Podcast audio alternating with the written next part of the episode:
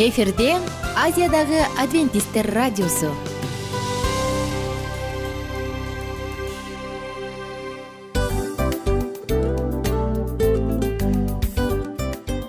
Достор салют.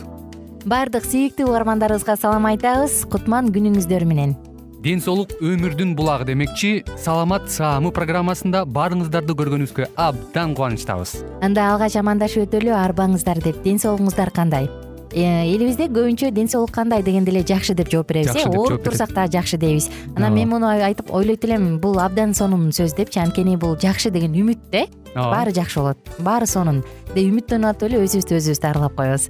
Анысы кандай сиздин дагы ден соолугуңуз жакшы беш деген үмүттөбүз чындыгында ден соолук бул өмүрдүн булагы деп бекеринен айтылган эмес деп ойлойм. Кыргыз элинде анткени эгерде ден соолук жок болсо анда адамдын жашоосунда калган баардык керектүү маңыздуу нерселер өзүнүн баалуулугун жоготуп коет. Ошондуктан ден соолук бул эң керектүү нерсе. Ооба туура айтасың кесиптешим. Чынында ден соолугуң жок бир эки үч күн ооруп калсаң эле э кандай болуп калат? Жашоодо көз каранды болуп каласың көп нерсеге жетишпей каласың көп нерсени кыла албай каласың жада калса эшикке дүкөнгө да чыга албай каласың. Туптуура анан ден соолук болсо демек биз биздин бактыбыз тоодой деп койсок болот. Анда достор саламат саамы рубрикабызды баштайлы. Алдыда өзүңүзгө керектүү болгон сонун кеңештерди уга аласыздар. Мына ошондуктан биз менен бирге болуңуздар. Ал эми биз болсо милан жана айнура. Кеттик алга. Алга саламат саама ден соолуктун жарчысы. Саламат саама ден соолуктун ачкычы. Күн сайын сиз үчүн мыкты кеңештер сонун жаңылыктар кызыктуу фактылар. Биздин рубрикада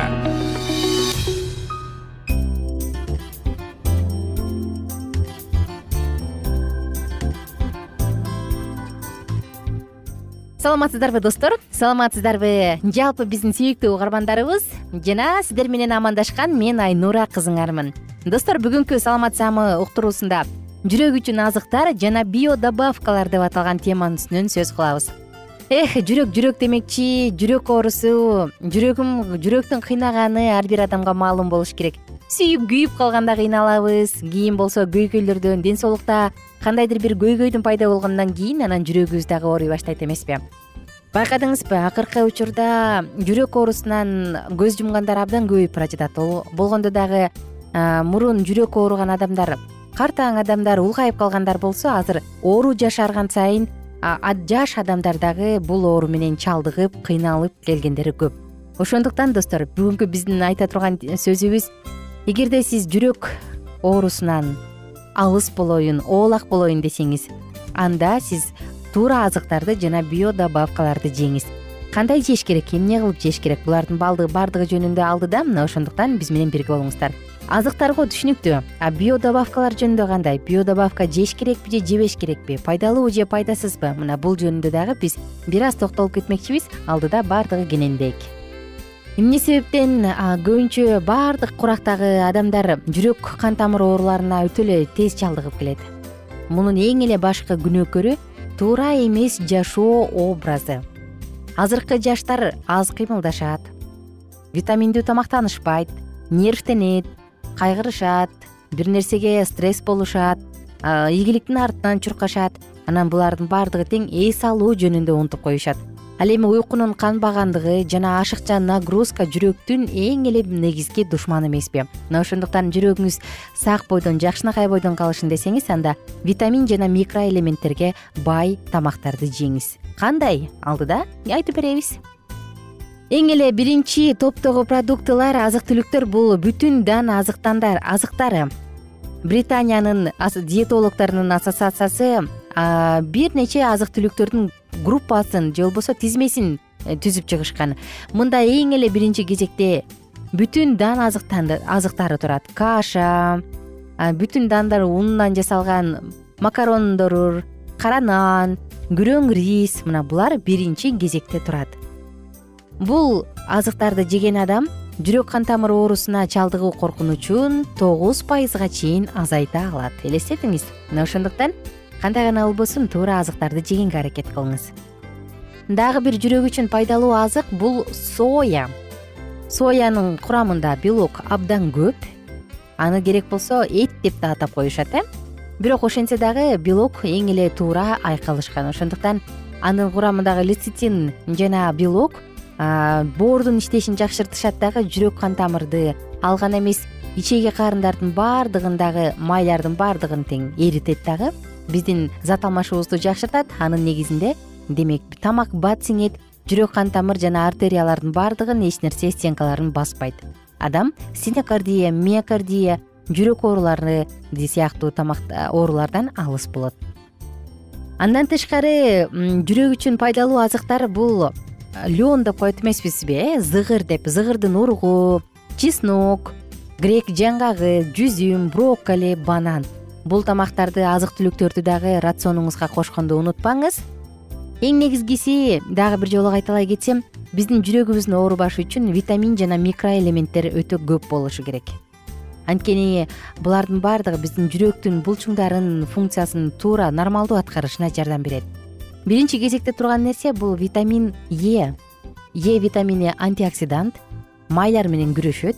Ошондуктан эгерде бизде холестерин эркин радикалдар сыяктуу зыяндуу нерселер көп боло турган болсо булардын баардыгын так ордуна коюп өз өлчөмү менен өлчөп кое турган бул е витамини е витамини күн карамада миндаль өндүрүлгөн буудайда чакмакташылбаган зыгыр майында абдан көп. Ошондой эле сиз аптекадан дагы бул биодобавка жөнүндө сөз болуп атат. Аптекадан дагы капсула түрүндө сатып алсаңыз болот анын эритмесин бирок абайлаңыз.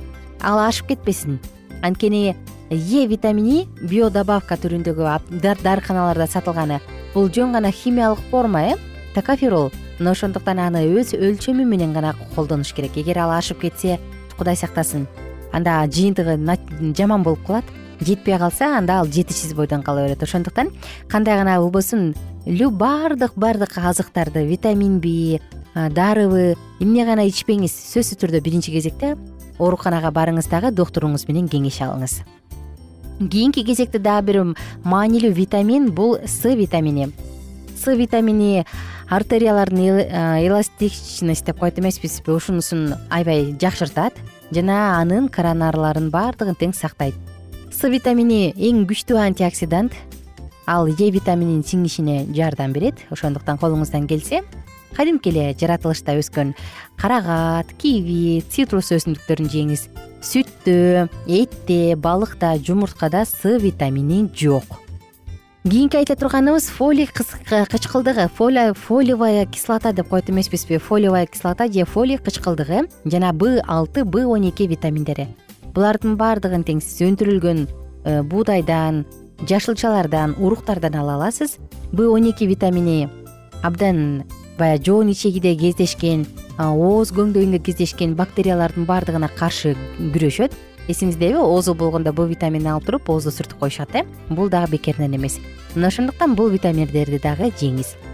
Жана дагы бир күчтүү антиоксидант бул ачык кызыл түстө же болбосо ачык кызыл жемиштерде кездешкен пигмент болгон пигментти берген ликопин ликопин дагы абдан пайдалуу жана маанилүү магний жөнүндө унутуп калбайлы магний дагы биздин ден соолугубуз үчүн өтө маанилүү. Магний жетиштүү болсо жүрөк ооруларынан бир топ алыска болобуз сиз магнийдин булагы катары ашкабакты кунжутту миндальды бооп жана бүтүн дан азыктарын жесеңиз болот. Этте жана сүттө магний өтө эле аз достор эмне демекчибиз? Кааларыбыз оорубаңыз эч качан жүрөгүңүз ооруса дагы сүйүүдөн гана ооруп сүйгөнүнө жеткенден кийин айыгып калсын. Мен болсо сиздер менен коштошом жана кийинки уктуруудан амандашканча сак саламатта туруңуздар. Саламат саама ден соолуктун жарчысы. Саламат саама ден соолуктун ачкычы. Күн сайын сиз үчүн мыкты кеңештер сонун жаңылыктар кызыктуу фактылар. Биздин рубрикада замандаштар баарыңыздарга ысык салам. Дил маек программабызга кош келиңиздер. Дил маек рубрикасы дегенде эле бул эмне болгон дил маек ким менен маектешебиз деп сурайт болуш керек угармандарыбыз бул рубриканы кыскача тааныштыра кете турган болсок ар тарап кесип ээлеринен болгон сонун интервью кеңештер бар. Ооба. жылдыздар менен болгон маек бар. Аталарыбыздын агаларыбыздын чоң аталарыбыздан сонун кеңештер бар. Ошондой эле эже сиңдилердин кеңештери бар. Айтор баардык кызыктардын баары алдыда. Негизи эле адам баласы бир кимдир бирөөнө ишенип сырын ачкысы келет эмеспи э мындай баарлашууга жакын келебиз го? Албетте. Негизи бир жерге отуруп алып кенен шашпай баягы жүрөктөн жүрөккө ачып сырларыбызды ар кандай көйгөйлөрүбүз менен бөлүшүп баягы чын жүрөктөн маек курганды кимибиз сүйбөйбүз э? Ооба десең ал нерсеге суусап да келебиз да. Ооба кээ бирде адамга чындыгында баягы э, ысык маек баягы жылуу маек жетишпейт да. Ошондуктан биз ушул рубриканы ойлоп тапканыбызда эң биринчи эле достор сиздер менен чын жүрөктөн бир маңыздуу темаларды козгоп кеткени э, кааладык. Ошондуктан ушундай сонун бир рубриканы тартуулап жатабыз. Анын үстүнө радио дагы сонун дос да анткени э, мындай учурда досуңа айтсаң досуң досуна айтат досу досуна айтат да анан бүт өлкө билип калышы мүмкүн го а радио болсо сени сатпаган сенин айыбыңды ачпаган сенин сырыңды эч кимге айтпаган сонун дос ошондуктан биздин алдыдагы айта турган кеңештерибизди биздин досторубуздун кеңештерин угуп анан ал жака пикириңизди дагы калтырып кайрадан биз менен байланышсаңыздар болот. Деги эле жашооңузга эгерде кичине болсо дагы өзгөрүү алып моралдык жактан нравовик жактан сонун бир кеңештерди алсаңыз демек биз максатыбызга жеттик. Ооба. Чыңгыз атабыз улуу жазуучу э, чыңгыз айтматов айткандай адам болуу бул күнүмдүк процесс экен. Күн сайын адам бойдон калуу бул адамзатка эң эле кыйын дейт э? э эң кыйын дейт. Чындыгында бунун э, негизинде адамдын эң баягы сапаттуулугу адамдын э, адамгерчилиги жана көптөгөн керектүү нерселер мына ошол темалар дагы бизде ушул дил маекте биз аларды да козгойбуз. Ден соолук жөнүндө да сүйлөшөбүз. Сөзсүз түрдө. Анан милан мырза негизи айтып коюшат го? Биз көбүнчө эмнени ойлонсок ошол нерсеге карата иш кылабыз го. Ооба. Анан анысы кандай? Балким бул радио баракчада кимдир бирөөнүн оюн текшергенге жардам берет кимдир бирөөнүн жүрөгүн текшергенге жардам берет балким кимдир бирөөгө жашоонун маңызын тапканга жардам берет. Айтор кызыктын баары алдыда бул жөн гана кыскача жарнама анда угармандарыбыздын баардыгын кийинки рубрикабызга чакырабыз. Ал эми кызматта маңдайымда отурган кесиптешим милан жана мен айнура. Анда эмесе биз даярдаган терең терең ойлор менен таанышууга кеттик. Алыс алыс баралык. Анда эмесе достор биз менен бирге болуңуздар алдыда эң кызыктуу маалыматтардын баардыгы бир нече мүнөттөр бою жалгыз гана сизге арналат. Мына ошондуктан жакшы маанай менен угууну каалайбыз үн алышканча. Жөнөдүк ар түрдүү ардактуу кесип ээлеринен. Алтын сөздөр жүрөк ачышкан сыр чачышкан сонун маек. Дил маек рубрикасында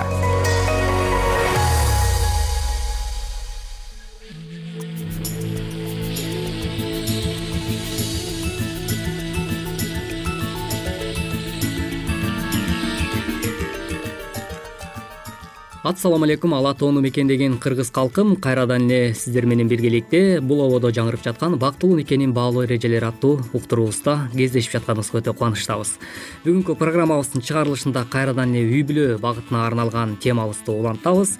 Бүгүнкү уктурууда эмне жөнүндө сөз болот деп турган болсоңуз анда үй бүлөнүн бактылуу болушунда да бактысыз болуп калышына дагы э, атанын ролу. Үй бүлөнүн башчысы катары эркек адамдын э, милдети жана анын э, жоопкерчилиги канчалык деңгээлде чоң. Ушул туурасында биз сөз кылмакчыбыз. Бүгүнкү программабызда кайрадан эле биздин студиябыздын коногу буга чейинки программабызда дагы өзүнүн жеке ойлору менен жана ошол эле учурда жашоосунда болгон тажрыйбалары менен бөлүшүп өткөн абылгазиев улан мырза студиябызда конокто.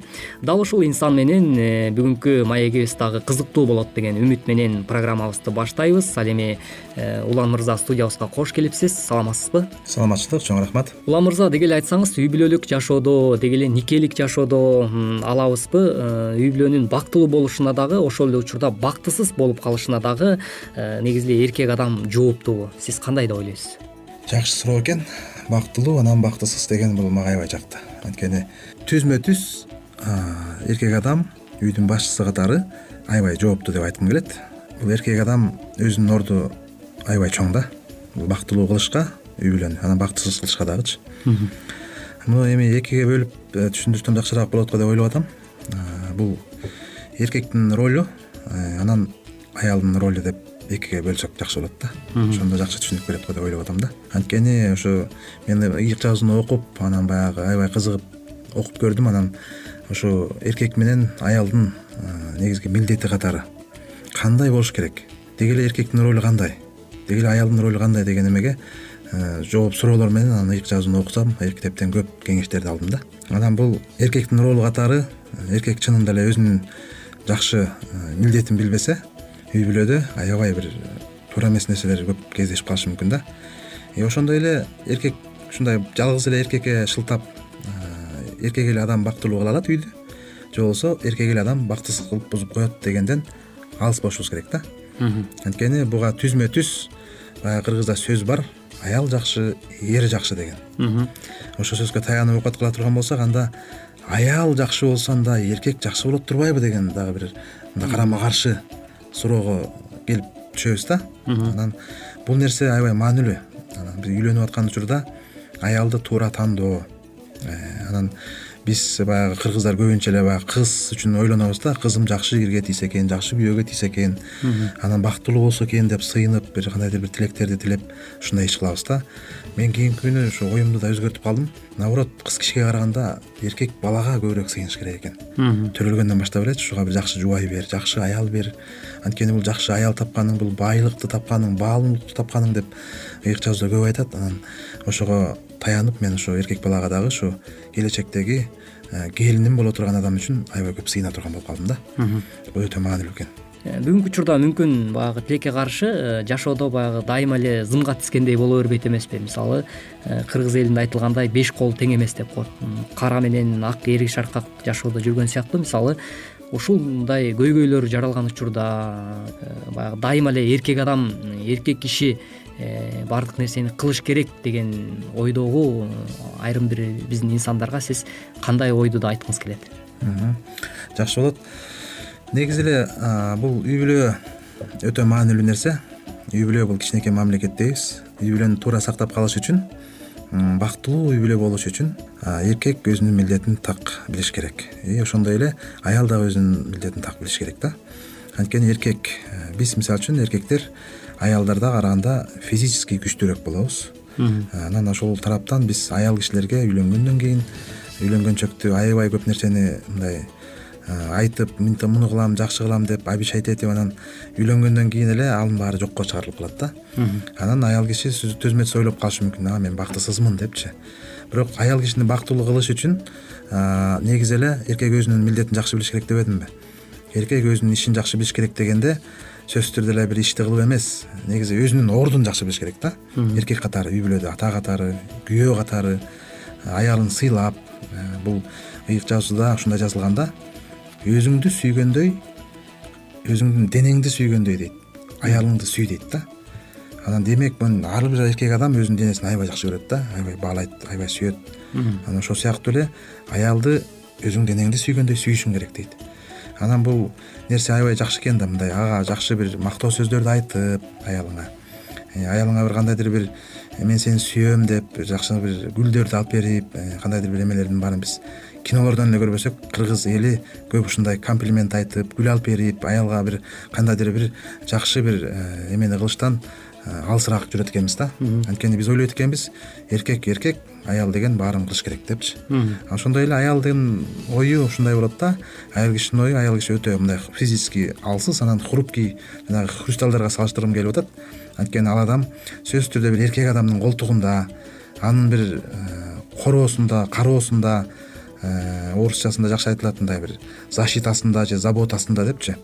Ошондой бир калкасында жашагысы келет да. Бактылуу айым ошону бүт эле баары ошондой болсо деп тилейт да. Бирок тилекке каршы биз аны э, туура ошондой бир эме жеткире албагандыктан биздин э, аялдарыбыз же ушундай бир инсандарыбыз туура эмес түшүнүп мен бактысызмын деп калышы мүмкүн да. Бирок ошондой эле аял киши эркекке баш ийгенди билсе аял аны аялды эркек сүйсө анан аял эркекке баш ийип эле койсо бул эң жакшы э, үлгү деп айтсам болот да ошон үчүн абдан жакшы чоң рахмат. Э, атайын маегиңиз үчүн сизге дагы рахмат айтабыз.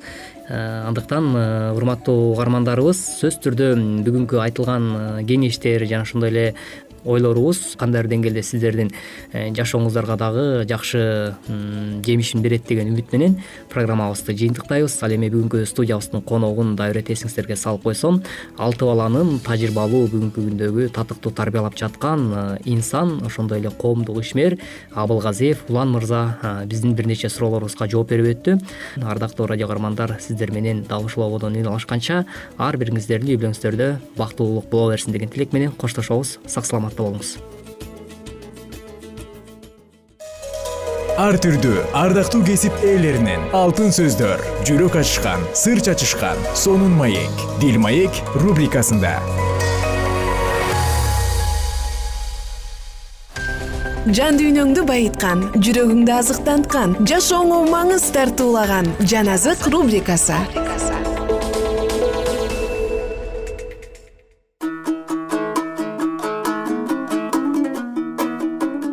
амансызбы бурадарым? Амансыздарбы угармандар? Амансыздарбы замандаштар? Жалпыңыздар менен биз жан азык рубрикасында забур китебин окууну андан ары улантабыз. Жүз отуз төртүнчү забур теңирди даңктагыла теңирдин үйүндө кудайыбыздын үйүнүн короосунда турган теңирдин кулдары теңирдин ысымын мактагыла мактагыла теңирди мактагыла анткени теңир жакшы.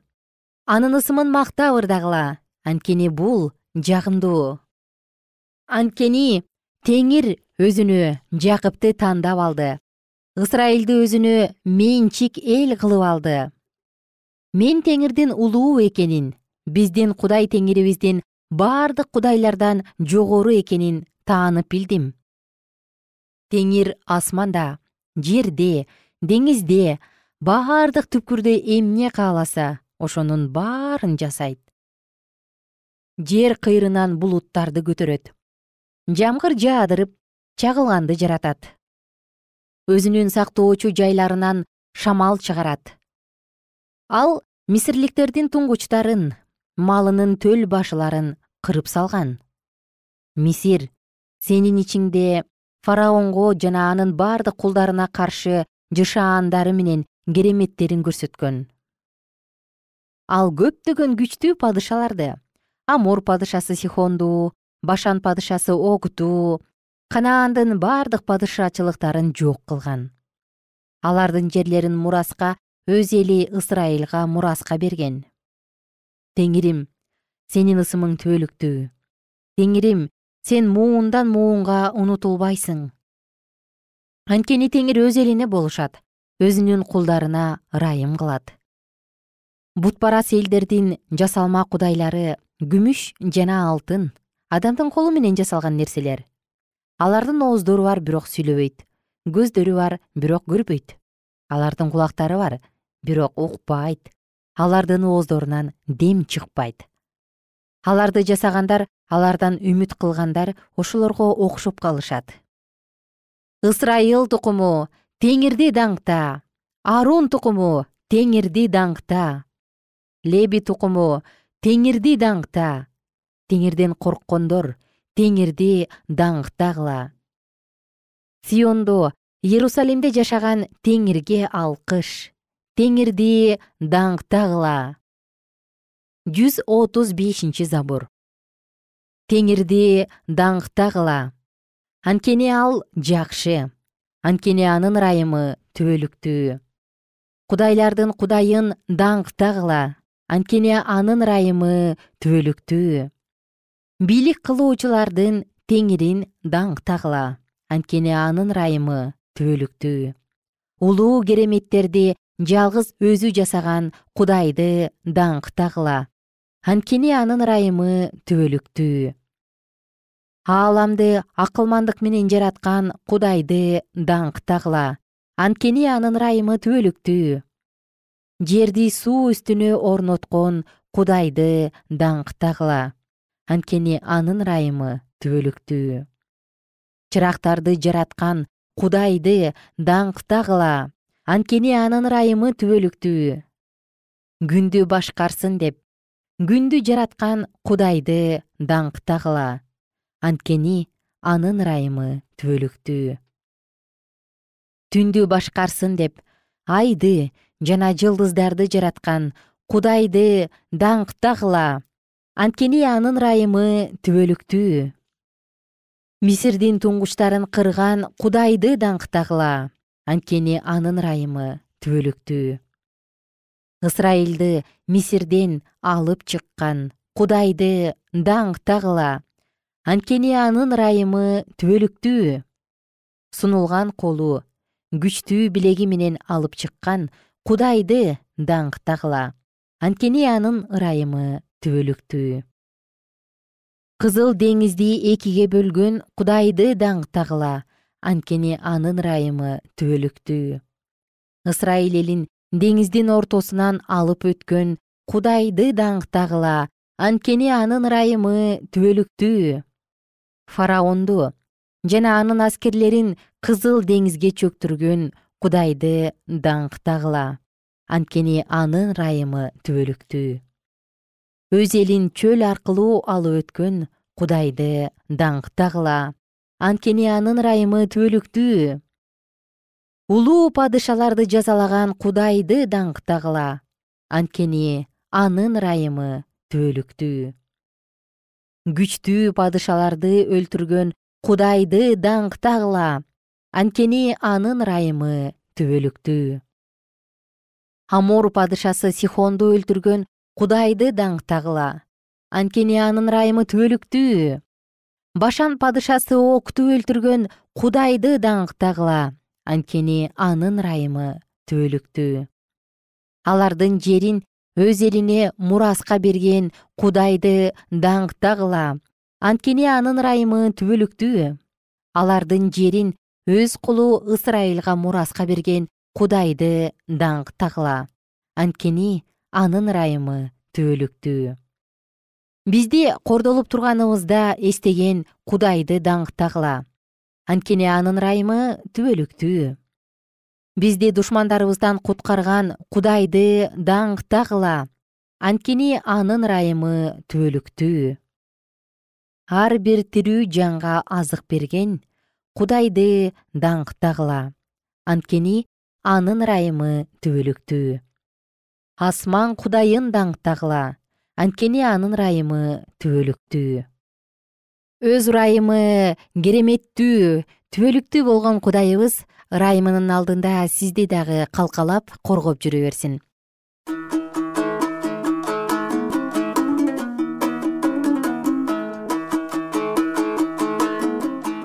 Достор ушул жерден биз саатыбызды токтотобуз. Жана кийинки уктуруудан кайрадан забур китебин бирге улантабыз деп убада берем. Ошондуктан кайрадан амандашканча сак саламатта туруңуздар. Бүгүнкү күнүңүз сонун күндөрдөн болсун эртеңки күнүңүз алдыдагы күндөрүңүздүн ар бири эң сонун күндөрдөн болсун. Кайрадан амандашканча.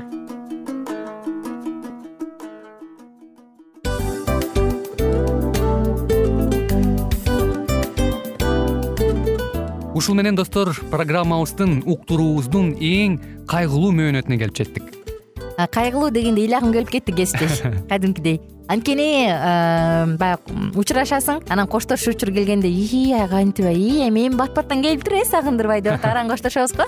Анысы кандай угармандарыбыз менен коштошчу учур келди. Кийинки уктурууларды сагыныч менен жүрөгүбүздө кусалык менен күтөбүз жалпыңыздарды анан жарым сааттык уктуруу көз ачышымканча өтүп кетти сөзсүз.